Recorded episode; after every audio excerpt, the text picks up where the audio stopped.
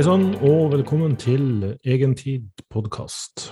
Mitt navn er Børge Fagerli, og vi har kommet til episode 16, der um, jeg fikk et spørsmål uh, på Instagram som passa meget godt med det jeg hadde tenkt å snakke om i dag. Så jeg tenkte bare å la det være en innledning. Og spørsmålet er som følger. Hei og takk for fin podkast. Har et hypotetisk spørsmål som du gjerne må ta med i podden om du vil, og da vil jeg.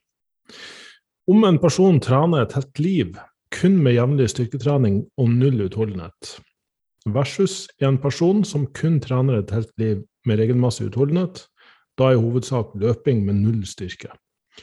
Hvilke av disse personene vil ha sunnest helse i det lange løp, og spesielt sett opp imot alderdommen? Ja, det er ikke et enkelt spørsmål å svare på, men jeg skal forsøke å gjøre det så godt jeg kan. Og for å svare på det spørsmålet, så må vi snakke om noe som heter mitokondrier. Og eh, teorien er den at mitokondrier var i utgangspunktet bakterier i den uh, opprinnelsens uh, store suppe. Så var så var den kun en bakterie, men den lærte seg etter hvert å leve i symbiose med en organisme. Så den, eh, den fungerer som et kjernekraftverk, et kommandosenter, inne i alle cellene i kroppen. Der den eh, rett og slett produserer energi.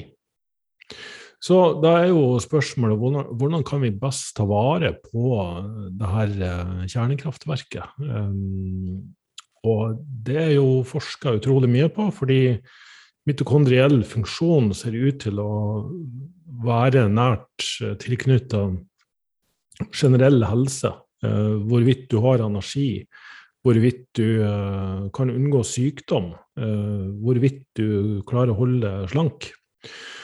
Og det jeg hadde tenkt å snakke om i dag, er egentlig hvorvidt Altså, vi har jo, De fleste av dere som hører på denne podkasten, har jo et sånt ønske om å skal gå ned i fettprosent eh, og holde oss i lav fettprosent. Og trene veldig mye og spise eh, på bestemte måter for å oppnå det. Eh, og treninga har jo selvfølgelig også som funksjon at vi skal bli sterkere, bygge muskler, få bedre kondisjon, utholdenhet, og da også eh, brenne fett.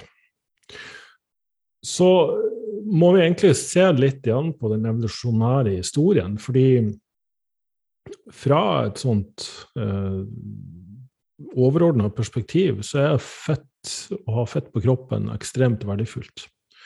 Vi kan på mange måter si at høyere fettprosent er det som har gjort at mennesket over tid har blitt eh, den mest dominerende arten på planeten. Så eh, det er ikke bare avgjørende for overlevelse, men også for reproduksjon. Og dette er jo noe jeg stadig vekk gjentar meg sjøl på, at for, for, de fleste organismer så er det to ting som er viktigst, og det er overlevelse og reproduksjon. Og det gjelder også for mennesker. Og eh, fettets rolle her er jo at det gir oss eh, energi til å overleve vanskelige og utfordrende situasjoner. Både for å håndtere stress, men også når vi ikke har eh, regelmessig tilgang på mat. Så for naturen så er jo egentlig ikke fedme unaturlig. Det er ikke en sykdom. Eh, fett er såpass viktig for overlevelse at uh, vi skal ikke mange generasjoner tilbake for da å ha former og da å ha en høyere fettprosent. Det var forbeholdt de som var rike og de som hadde bra, og det var velstand, og det uttrykte seksualitet. Det var rett og slett attraktivt. Så, så det er mye kulturell bakgrunn som har forma vår oppfatning av hva en idealkropp skal være. Og den primære grunnen til at vi blir overvektige eller får en veldig høy fettprosent Vi er jo en av de artene som har høyest fettprosent på planeten, eh, og den har jo på mange måter bidratt til at vi har uh, fått såpass stor hjerne og kapasitet som vi har, uh, så, så, er det egentlig ikke bare kulturelt, men det er òg et biologisk fenomen. Og um, det er en bok jeg leste som jeg syns var veldig interessant på det her. Uh, og Den heter 'Nature Wants Us To Be Fat' av dr. Richard Johnson.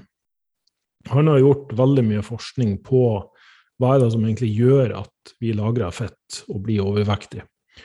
Eh, og funnet ut at det er en én til to primære eh, årsakssammenhenger der som jeg tenkte vi kunne snakke litt mer om. fordi det er såpass relevant for mitokondriell funksjon, og dermed også helse. Så greia er at det å lagre fett, det er en overlevelsesbryter. Eh, vi går jo gjennom sesongene der eh, gjennom vinteren så er det mindre mat, eh, mindre plantekost, mindre kalorier generelt. Våre forfedre jegere sankerne, spesielt i nordiske klima. Vi har jo da i større grad måttet livnært oss på det vi har jakta og fiska. Og eh, både dyr i naturen før vi begynte å holde husdyr, og fisk, er jo ikke spesielt fettrikt langt utpå vinteren. Alle dyr, alle organismer, feiter seg opp for å forberede seg på en sulteperiode. Ikke nødvendigvis sult, men i hvert fall eh, mindre tilgang på næring. Og det ser ut til at triggeren for den lagringa av fett, det er karbohydratrik mat.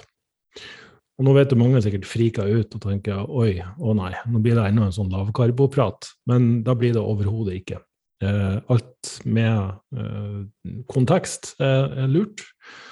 Så det er mer å forstå at gjennom tusenvis av år så har det vært naturlig at um, vi har holdt uh, en relativt stabil kroppsvekt fra år til år, men den har svinga gjennom sesongen, sesongene gjennom året.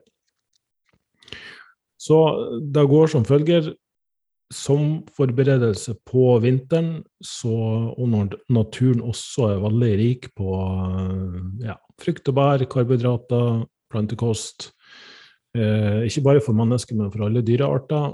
Så fråtses det voldsomme mengder for å lagre veldig mye fett. Noen dyr går jo i dvale, sånn som bjørn, bjørn går jo i dvale. Eh, mens noen dyr rett og slett bare tærer på det fettet gjennom vinteren. Så når det nærmer seg vår, da er fettprosenten lavest. Da er man tært ferdig på det, og så begynner naturen igjen å tilby mer energirik mat, sånn at man uh, trives veldig greit gjennom sommeren, spesielt med høyere temperaturer og sollys. Og uh, det er også en bidragsyter til energi, da å få nok sollys på kroppen. Foruten de som er nattdyr, selvfølgelig. Da spiller ikke det like stor rolle. Og så gjentar det samme seg fra år til år. Eh, og denne overlevelsesbryteren, eller kalla fettlagringsbryteren, eh, den aktiveres da som en forberedelse på stress. Eh, og jeg vil kanskje også si at ved lengre perioder med stress, så vil hjernen oppleve miljøet som så utrygt at den fettlagringsbryteren aktiveres. Så der dyr i naturen og vi mennesker, når vi levde i, i naturen, i, i, harmoni med naturen, så deaktiverte vi denne fettlagringsbryteren når vi gikk eh, mot vinter, eh, og det var mindre tilgang på plantekost. Eh, det var kanskje perioder med litt mer faste, og, og, ting fungerte akkurat som det skulle. Mens for mennesket så står den fettlagringsbryteren permanent fastlåst i på-posisjon. Ikke for alle mennesker, som vi snart skal forstå, men for en stor del av den vestlige befolkninga. Og så lenge denne fettlagringsbryteren eller overlevelsesbryteren er på, så vil vi egentlig fortsette å kjempe en tapende kamp mot fedme og overvekt og alle de relaterte sykdommer. Så vi, vi har liksom forstyrra denne vakre balansen ved å finne måter å spise store mengder kaloririk mat året rundt på. Og hva er da denne her kaloririke maten. Eh, noen skylder jo på fett, og noen skylder på karbohydrater. Men da Richard Johnson og jo flere forskere som har sett på det her, har funnet ut det at fruktose er den primære aktiveringen av den fettlagringsbryteren. Så det er liksom er det, er det, rett og slett fordi vi spiser for mye fruktose for ofte? Eh, det er en av grunnene. Men før du går og kaster ut all frukten du har i skapet fordi du tror at det er det her som gjør at du blir fet, det er jo åpenbart ikke da. Det er mange uh, faktorer som spiller inn. Og hvis du skal gi en liten kritikk til den boka Eh, og den forskninga som ligger bak, er at det er fryktelig mye av det som er gjort på rotter og mus. Og veldig mye av den forskninga som gjøres på rotter og mus, kan av og til overføres til mennesker, men ikke alltid. Så det er veldig mange som kan utsettes for store mengder fruktose altså av mennesker uten at de nødvendigvis får fettlever eller blir veldig overvektige. Eh, men hos uh, mus og rotter så er det her nesten en regel at når de får store mengder med fruktose Husk nå også at sukker er 50 fruktose. Og spesielt i USA så brukes eh, altså høyfruktose maissirup, high fructose corn syrup, som har litt mer fruktose enn glukose. Så fruktose pluss glukose satt sammen er lik sukker, og hvor mye av hver det er, eh, kommer litt an på kilden. Honning har f.eks. også ganske mye fruktose, men det er på mange, eller av ulike årsaker er det vanskeligere å legge på seg fett av å spise honning kontra store mengder sukker. Skal vi også komme litt tilbake til. Så I motsetning til veldig mange andre pattedyr, så er vi veldig følsomme for fruktose. Og det kan spores tilbake millioner av år i tid. Vi stammer jo fra apene som uh, spiser eller lever på plantekost og frukt.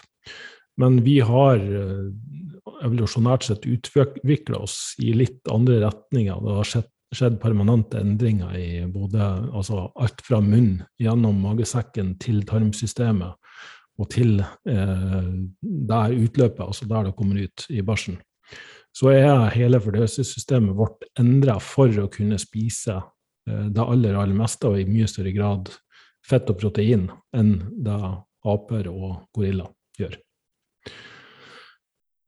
Så um, hvis vi skal ramse opp den primære måten Eh, eller de forskjellige måtene der fettlagringsbryteren kan aktiveres på, så er det ved å spise eller produsere fruktose. Fordi selv om du kutter ut og spiser fruktose totalt, så kan kroppen fremdeles produsere det. Det da ser det også ut til at dehydrering kan eh, aktivere denne fettlagringsbryteren. Forhøya blodsukker over lengre tid. Og mat som er rik på umami, altså den, den proteinsmaken, kan også aktivere eh, denne biologiske bryteren. Eh, og det gjør de ved at de her matvarene stimulerer produksjonen av noe som heter urinsyre, som har en avgjørende rolle for at fruktose skal ha den eh, aktiverende effekten på fettlagring, som det har. Og eh, av denne grunnen, altså på grunn av overlevelse, og reproduksjon, så har vi blant mange arter utvikla spes spesifikke smaker for søt, salt og velsmakende mat. Fordi det her er ting som, som, har med den saken å gjøre.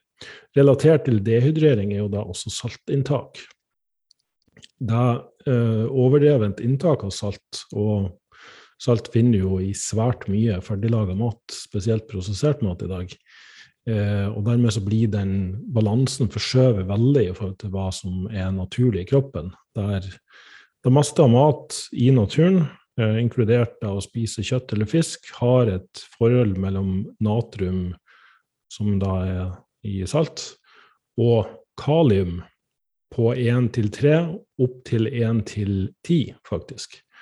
Mens det moderne kostholdet gjerne har et forhold på én til én, eller til og med mer natrium enn kalium. Og det kan uh, gjøre at væskebalansen i kroppen, uh, den uh, elektrolyttbalansen som vi kjenner det som, blir forskjøvet i uheldig retning. Og der ser det også ut til å kunne aktivere den fettlagringsbryteren. Så det er relativt kompliserte prosesser som, som pågår her. men det er ikke bare at denne bryter når, når, den aktiveres, og den skal jo aktiveres, det er jo en grunn til det. Det er jo for at vi skal kunne overleve og reprodusere oss sjøl. Men når den er konstant påslått, så vil dette stimulere både cravings, impulsivitet. Det reduserer viljestyrken, som gjør at vi vil søke etter mat og vann, sjøl om omgivelsene er farlige. Eh, det forårsaker leptinresistens i hjernen, da leptin er et hormon som skal sørge for at vi Det er et signal fra fettcellene om at vi har nok fett på kroppen.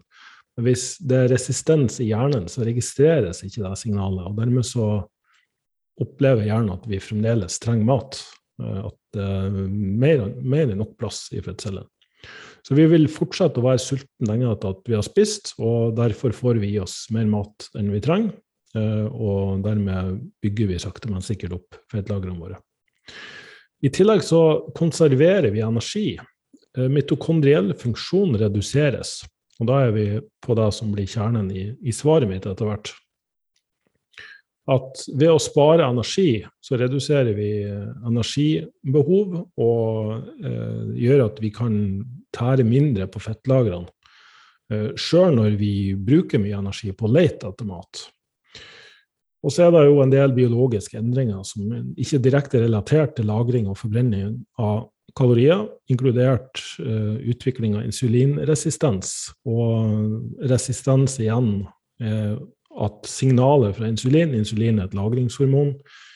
Uh, cellen slutter å svare på det signalet i like stor grad for å kunne spare på uh, glukose til hjernen fordi hjernen er det viktigste organet. Eh, det vil også øke blodtrykket for å bevare blodsirkulasjon. Det vil stimulere betennelsesreaksjoner, og en betennelsesreaksjon høres eh, negativt ut, men formålet er å beskytte oss mot infeksjon. Et aktivt immunforsvar er en fordel helt til at det ikke er det lenger, for å si det på den måten.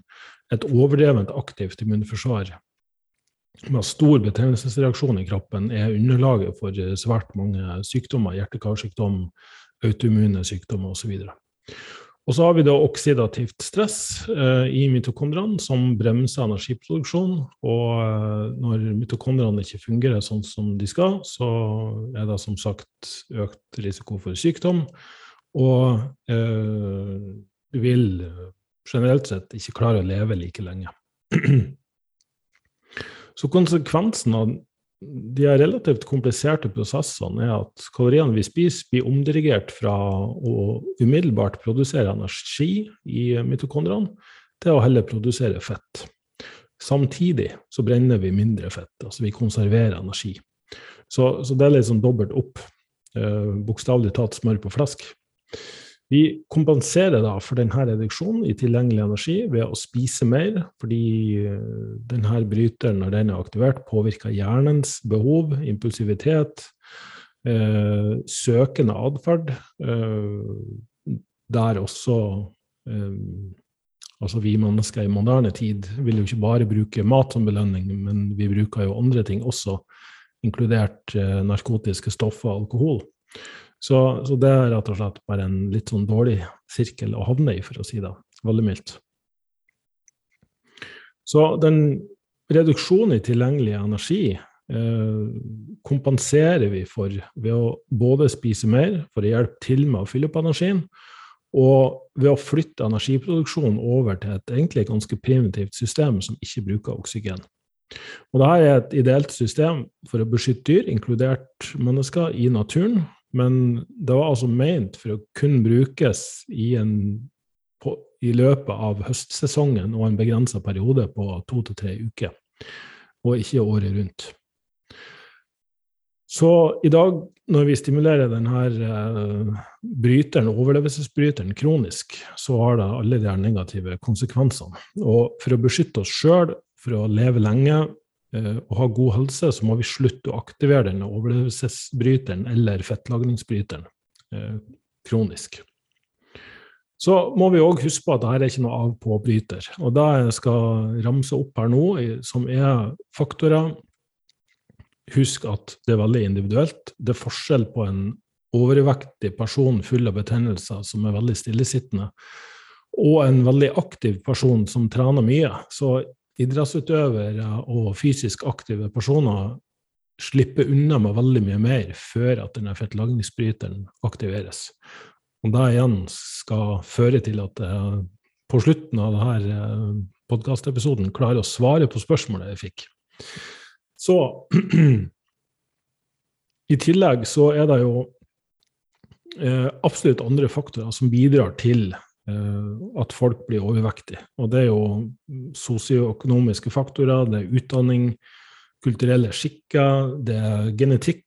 Det er noe som heter isolasjonseffekten, og det er faktisk høyst aktuelt for oss eh, som nå har levd med korona ganske lenge. Og det at vi blir sittende eh, hjemme alene eller i ensomhet.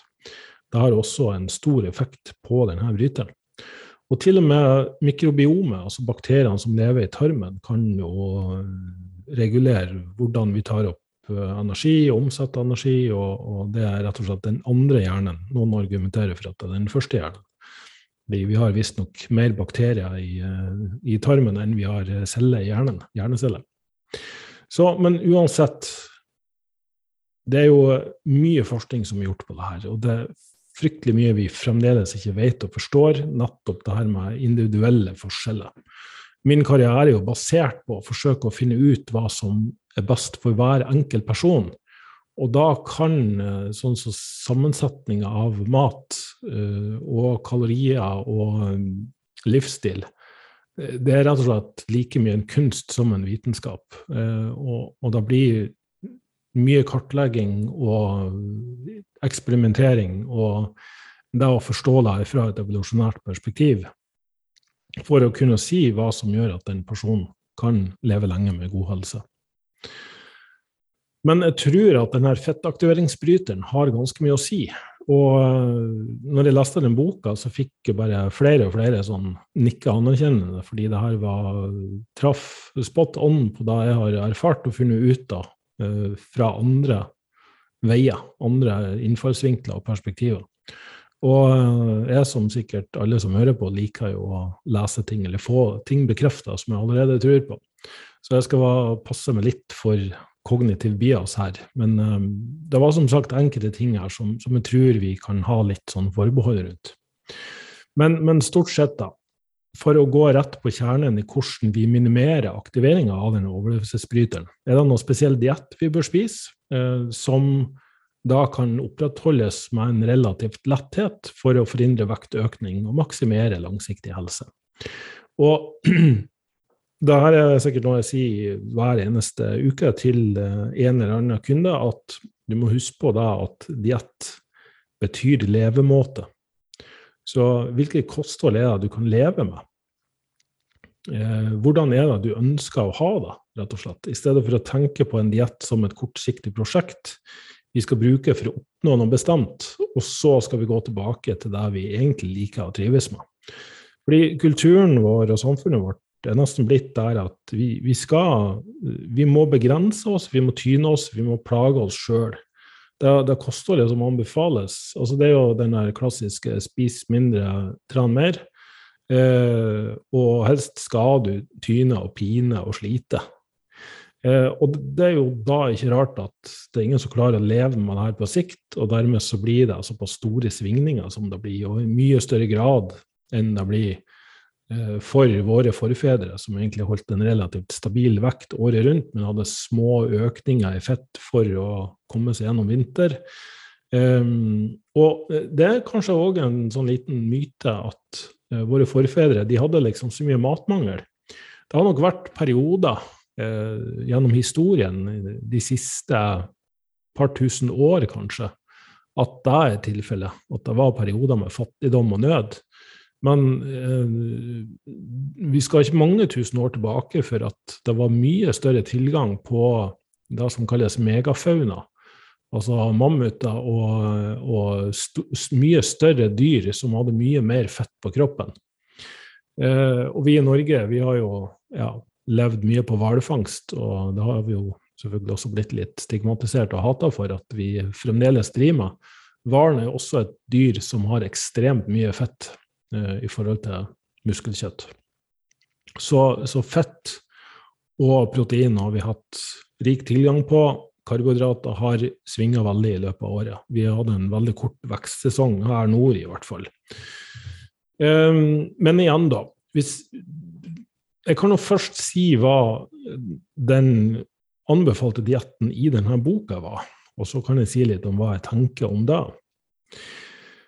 Hvis vi da starter med karbohydrater, så ble det i boka anbefalt 45% av kaloriene. Og fordi fruktose ser ut til å være det som primært stimulerer den fettaktiveringsbryteren, så må fruktose, eller da mest aktuelt sukkerinntaket, fordi sukker er Eh, den primære kilden vi har til fruktose i kostholdet. Det er ingen som spiser ren fruktose. Eh, det ble jo interessant nok anbefalt som et såkalt diabetikersukker før, fordi fruktose smaker veldig søtt. Men det gir ingen blodsukkerstigning, og det gjør det nettopp ikke fordi det går direkte til levra, der det stimulerer fettlagring. Så det vil ikke være noe hensiktsmessig for en diabetiker å bruke store mengder ren fruktose. Men det anbefales i hvert fall å holde her på et moderat nivå. Det ser ut til at uh, tarmen kan ta opp en del fruktose før at det her rekker eller får noen mulighet til å aktivere uh, fettlagringsbryteren. Og hvis man sier at om et måltid inneholder ca. 5-10 gram fruktose, så er, så er det sjelden noe problem. Men du kan jo tenke deg sjøl, altså, ei, halvlitersflaske med, med cola, der har du fort 25, ja, 20-25 gram fruktose av den sukkerandelen.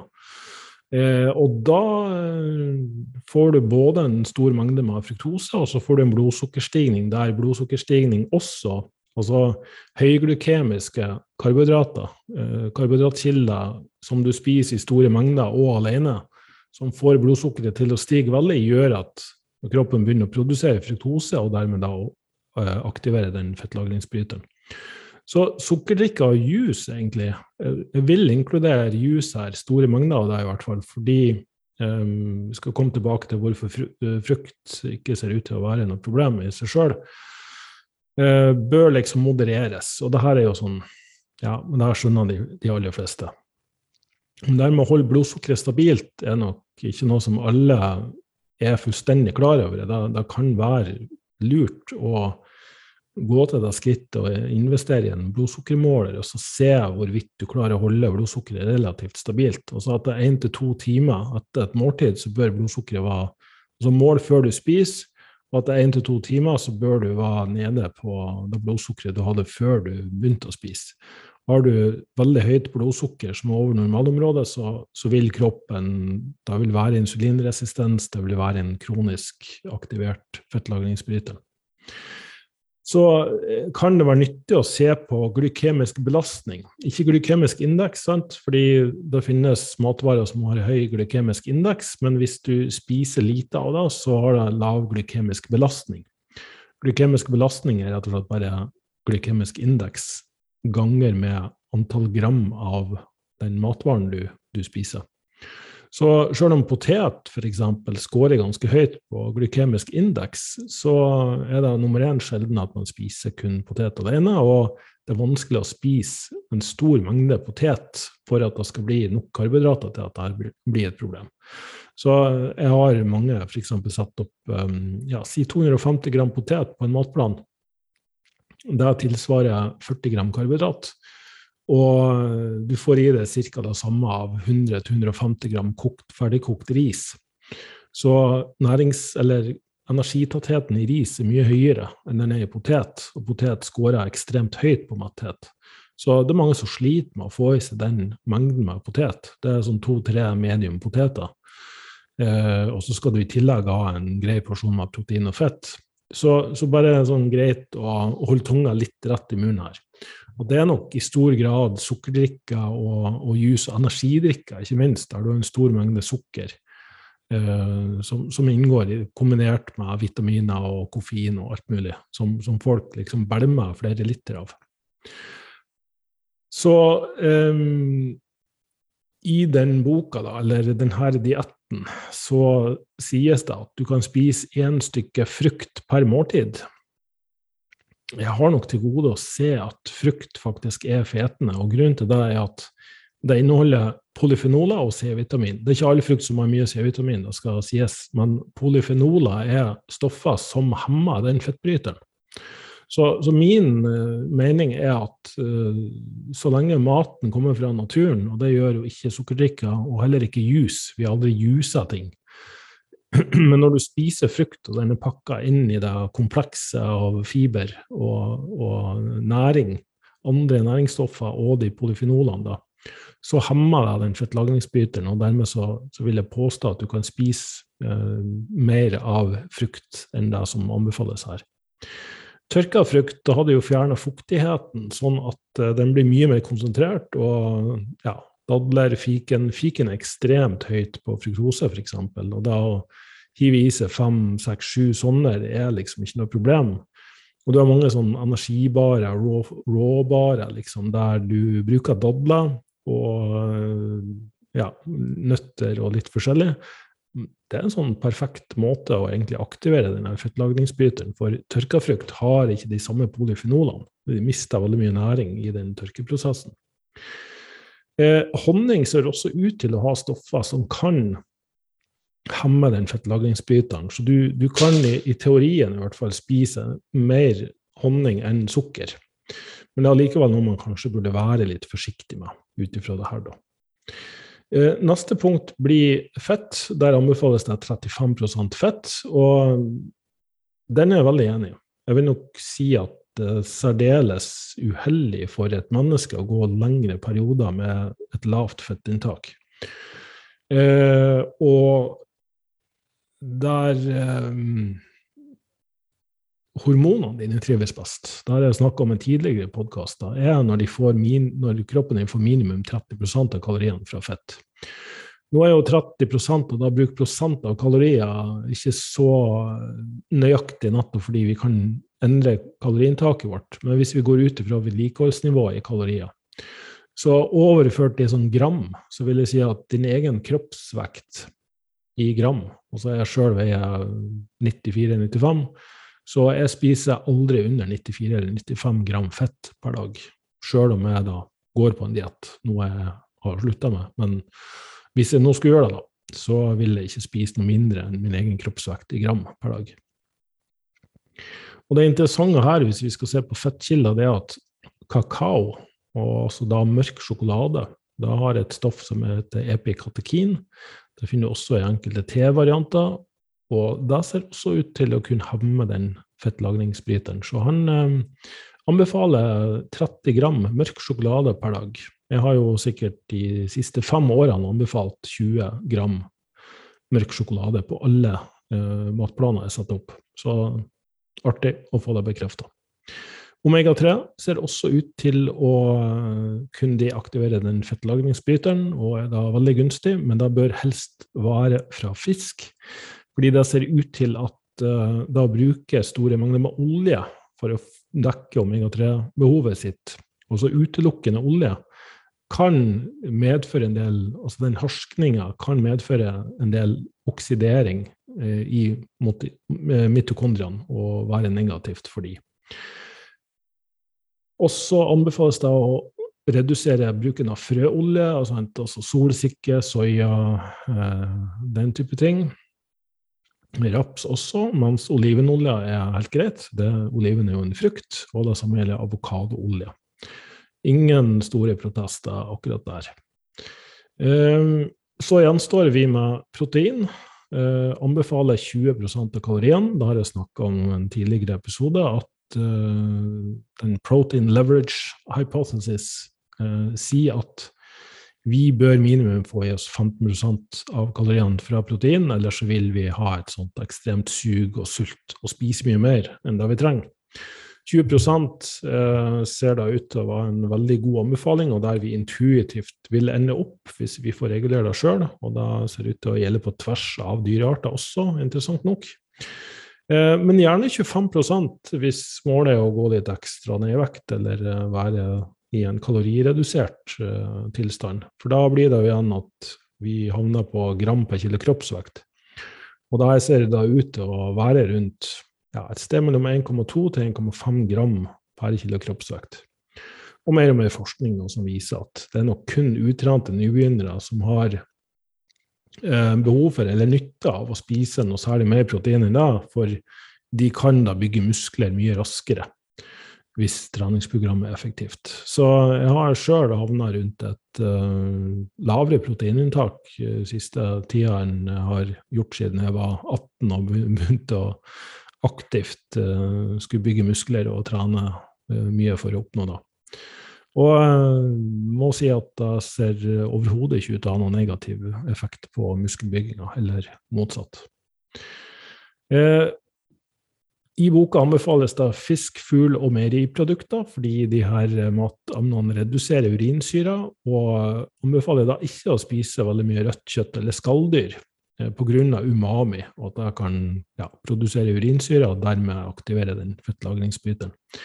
Der er jeg nok ikke helt enig, rett og slett fordi jeg klarer ikke å finne relevant forskning på mennesker som sier at dette er tilfellet, annet enn sånn epidemiologi, altså sånn populasjonsbasert.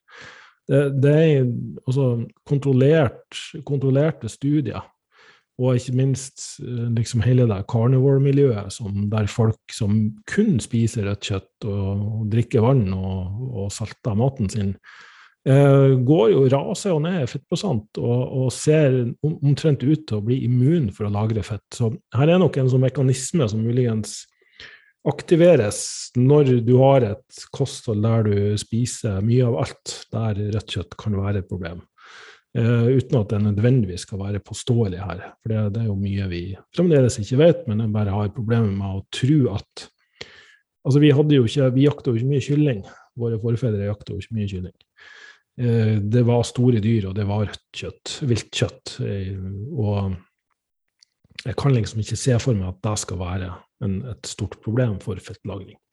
Men OK.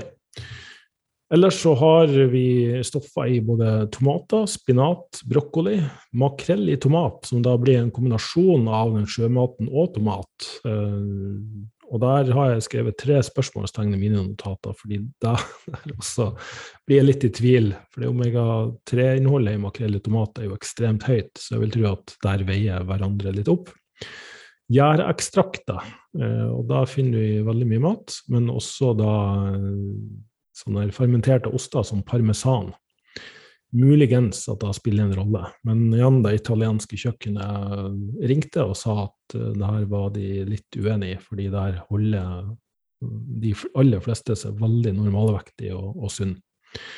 I tillegg til at de spiser mye pasta, og pasta kan øke blodsukkeret ganske betraktelig. Og i den boka påstår han da at pasta er en av de tingene som er verst for fettlagring. Men, men, OK, så, sånn helt overordna så, så, tanker jeg nok som så at eh, karbohydratene kan nok være et sted mellom 40 og 50% av kaloriene. Fettet bør nok være rundt 30-40% og proteinet kan holdes rundt 20% og gjerne litt høyere når målet er å gå ned i vekt, eller du trener mye, prøver å bygge mye muskelmasse, så kan det være litt høyere. Men det ser nok ut til å være mest matvalgene her, og å forsøke å holde et relativt stabilt blodsukker, unngå å drikke mye næring, altså fra fruktose og sukker. Um, og så rett og slett Ja, jeg vil gå videre egentlig på den lista jeg har her. fordi Han anbefaler også da å unngå å være dehydrert. Men for å unngå å være dehydrert, så trenger du kun åtte glass vann per dag.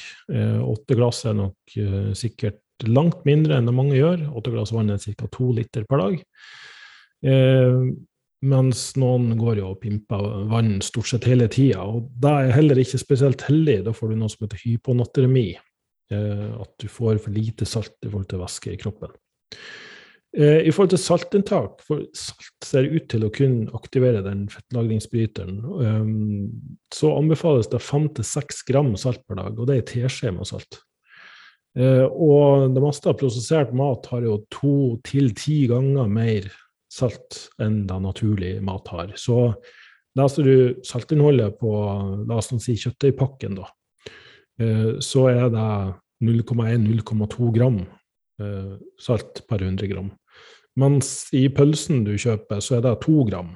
Så, så du skjønner at det er en ganske stor forskjell. Eh, så, så, 300 gram pølse, da er du allerede på dagens anbefalte saltinntak.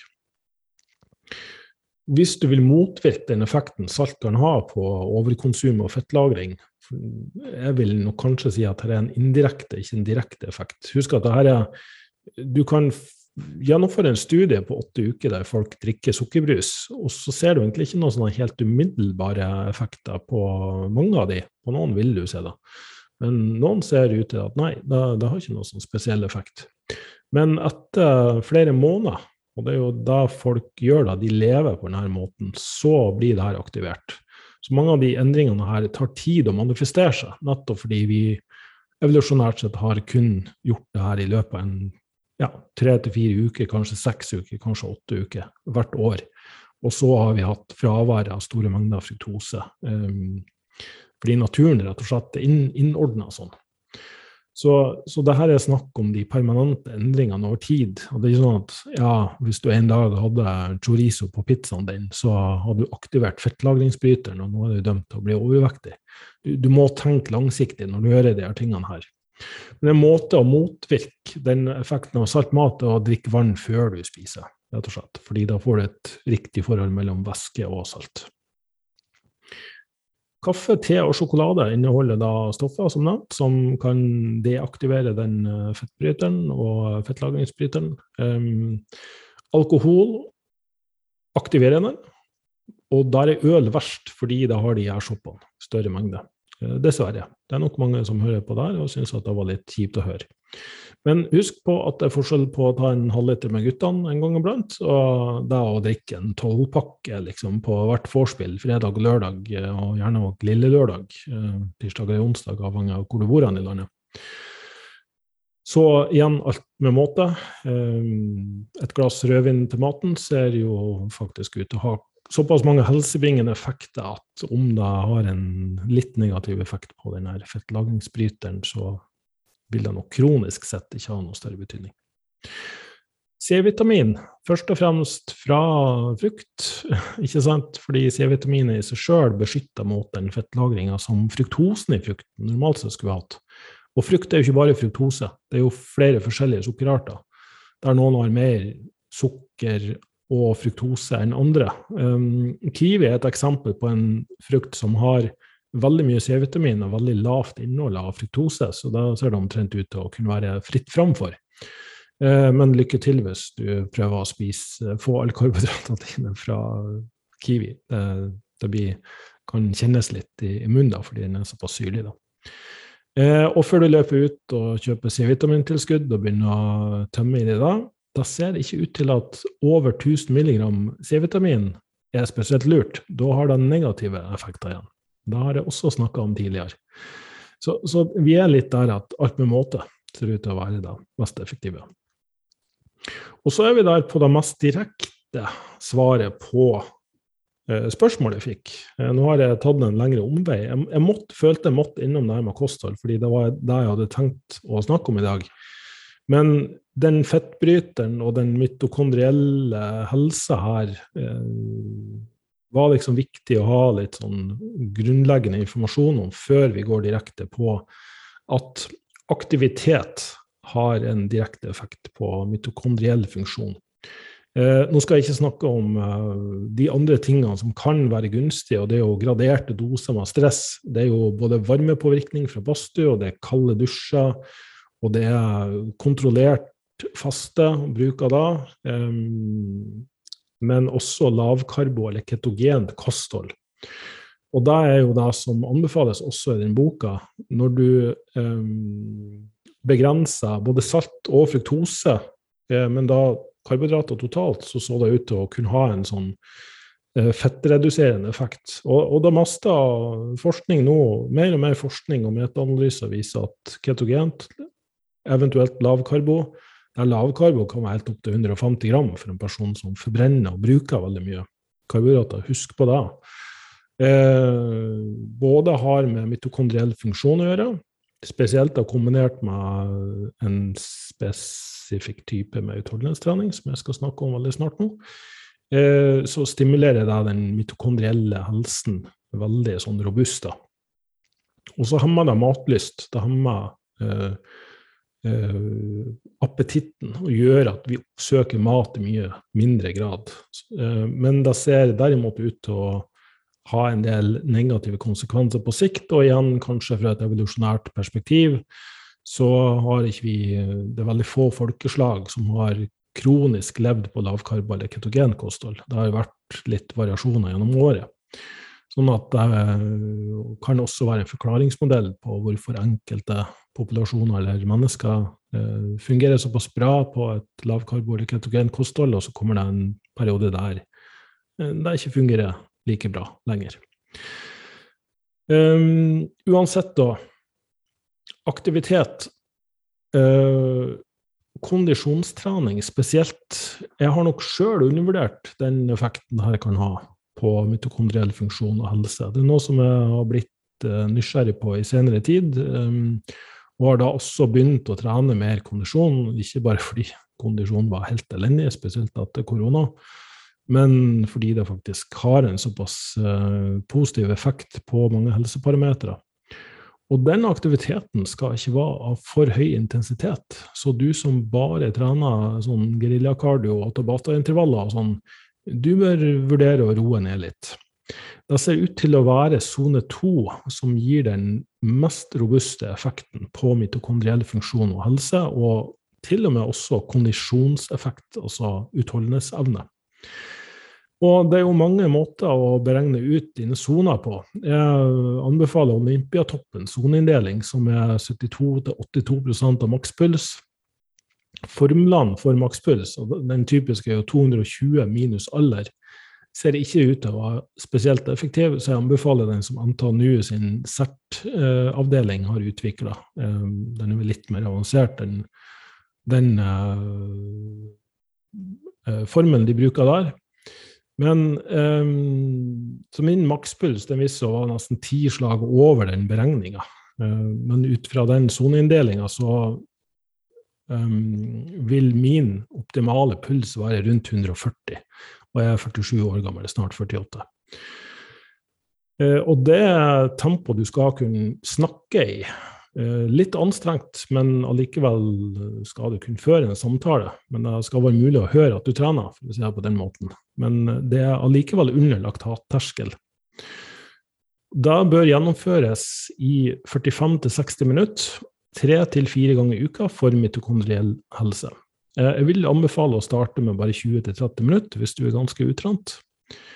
Eh, en måte, ja, den glemte å si, uh, hvis du ikke kan beregne eller teste makspulsen din, og bruke da intervallet 72-82% for årlig sone 2, så kan 180 minus alder også angi da ja, cirka området du bør ligge i. Også den formen der undervurderer litt hvor jeg sjøl burde ligge. Så når jeg bruker den, så havner jeg på 132-133. Jeg bør ligge kanskje en 5-10 slag høyere for å få optimal effekt. Du kan også gå omveien med å ta en laktattest og se at du holder rundt to eh, mikromol per liter. Um, men, men, den type trening og den varigheten ser det ut til å kunne makse ut den effekten. Uh, 45 minutter ser ut til å ha en sånn sweet spot, og, og du skal kunne holde, deg gående 1-1,5 time uten å slite hvis du har optimal intensitet. Hvis du ikke klarer å puste gjennom nesen, og hvis du syns det er veldig anstrengende, så kjører du for hardt, og da må du roe ned. Og ser vi igjen på eliteutøvere, så tilbringer de i hvert fall 80% av sin treningstid rundt denne sona. Så, så, du bygger utrolig mye både helsefordeler og um, evnen òg til å forbrenne fett, skal sies, relatert til det temaet vi har snakka om her. Da deaktiverer den fettbryteren, fettlagringsbryteren i større grad, og da trener opp de mitokondriene til å omsette energi mye mer effektivt. Der svært overvektige har mitokondriell funksjon som er sterkt redusert, og det samme gjelder syke mennesker. Så var litt sånn hva som er høna og egget her, og eh, det paradokset der, eh, vanskelig å utforske litt nærmere. Så da direkte svaret igjen Jeg vil nok si at det er vanskelig å si enten-eller. Det er en stor skuffelse for de som satt i åndeløs spenning og venta på det ultimate svaret her. Og grunnen til det er at styrke, beintatthet og muskelmasse har så mye å si for at vi skal kunne leve lenge og ha god helse. Det jeg kan si, er jo da at å, å trene styrke gjør at du blir andpusten. Du vil bevege deg innom sone to. Eh, du vil få høy puls. Du, du vil eh, styrke de her systemene. Men du må holde i sone 2 i 45-60 minutter for at jeg skal kunne styrke de mitokondriene såpass mye, såpass, få en sånn, såpass robust og signifikant endring som, som det vi er ute etter her. Så um, derfor er det jo et sterkt argument for en viss mengde med kondisjonstrening også. Så en person som trener kondisjon hele sitt liv, det, det, vi ser litt, er at mange idrettsutøvere og utholdenhetsløpere eh, At det kanskje blir overbelastning av så mye trening over såpass mange år at det ser jo ikke ut til å være det aller beste for helse, det heller. Så alt kan jo overdrives. Men eh, man styrketreningen fordi hvis du ikke trener kondisjon i det hele tatt, og kun belager deg på den høye motstanden og påkjenninga der, og så har du to-tre minutter pause for du gjør noe igjen, så selv om du har høy puls så, og, og, pust, så får du ikke den samme kondisjonseffekten som når du er i kontinuerlig aktivitet. Så dette blir en av de hypotetiske spørsmålene der på det datagrunnlaget vi har, og sikkert fordi det er en genetisk undertone og, og individuell forskjell, så er det faktisk litt vanskelig å, å, å, gi et godt svar. Men hvis du kun trener utholdenhet hele ditt liv, og du mister muskelmasse av det, og du ikke gjør det du kan for å bevare muskelmasse, eh, så kan du utvikle beinskjørhet, og du kan dø for tidlig av det.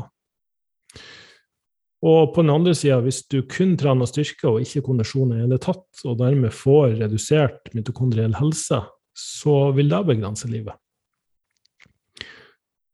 Så, så det, det, blir rett og slett uh, svaret. Det, det, er litt vanskelig å si at uh, det ene er nødvendigvis bedre enn det andre. Så det, det, må nok være et element av begge deler for å kunne leve lenge ved god helse. Og det er jo da også grunnen til at jeg sjøl har begynt å trene litt mer kondisjon i stedet for eh, bare, bare styrke. Så det var egentlig konklusjonen. Um, jeg, jeg, tenker kanskje en liten sånn av de Jeg har også lest en del forskning i den siste oppsummeringa da, eh, som kan sies å være relatert. En nyere studie viste at eh, 30% kalorireduksjon negativt påvirker hjernehelse.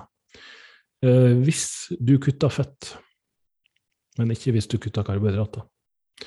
Så den støtter vel litt opp under det her at vi bør ha minimum 30-40 eh, av kaloriene fra fett, eh, eller din egen kroppsvekt.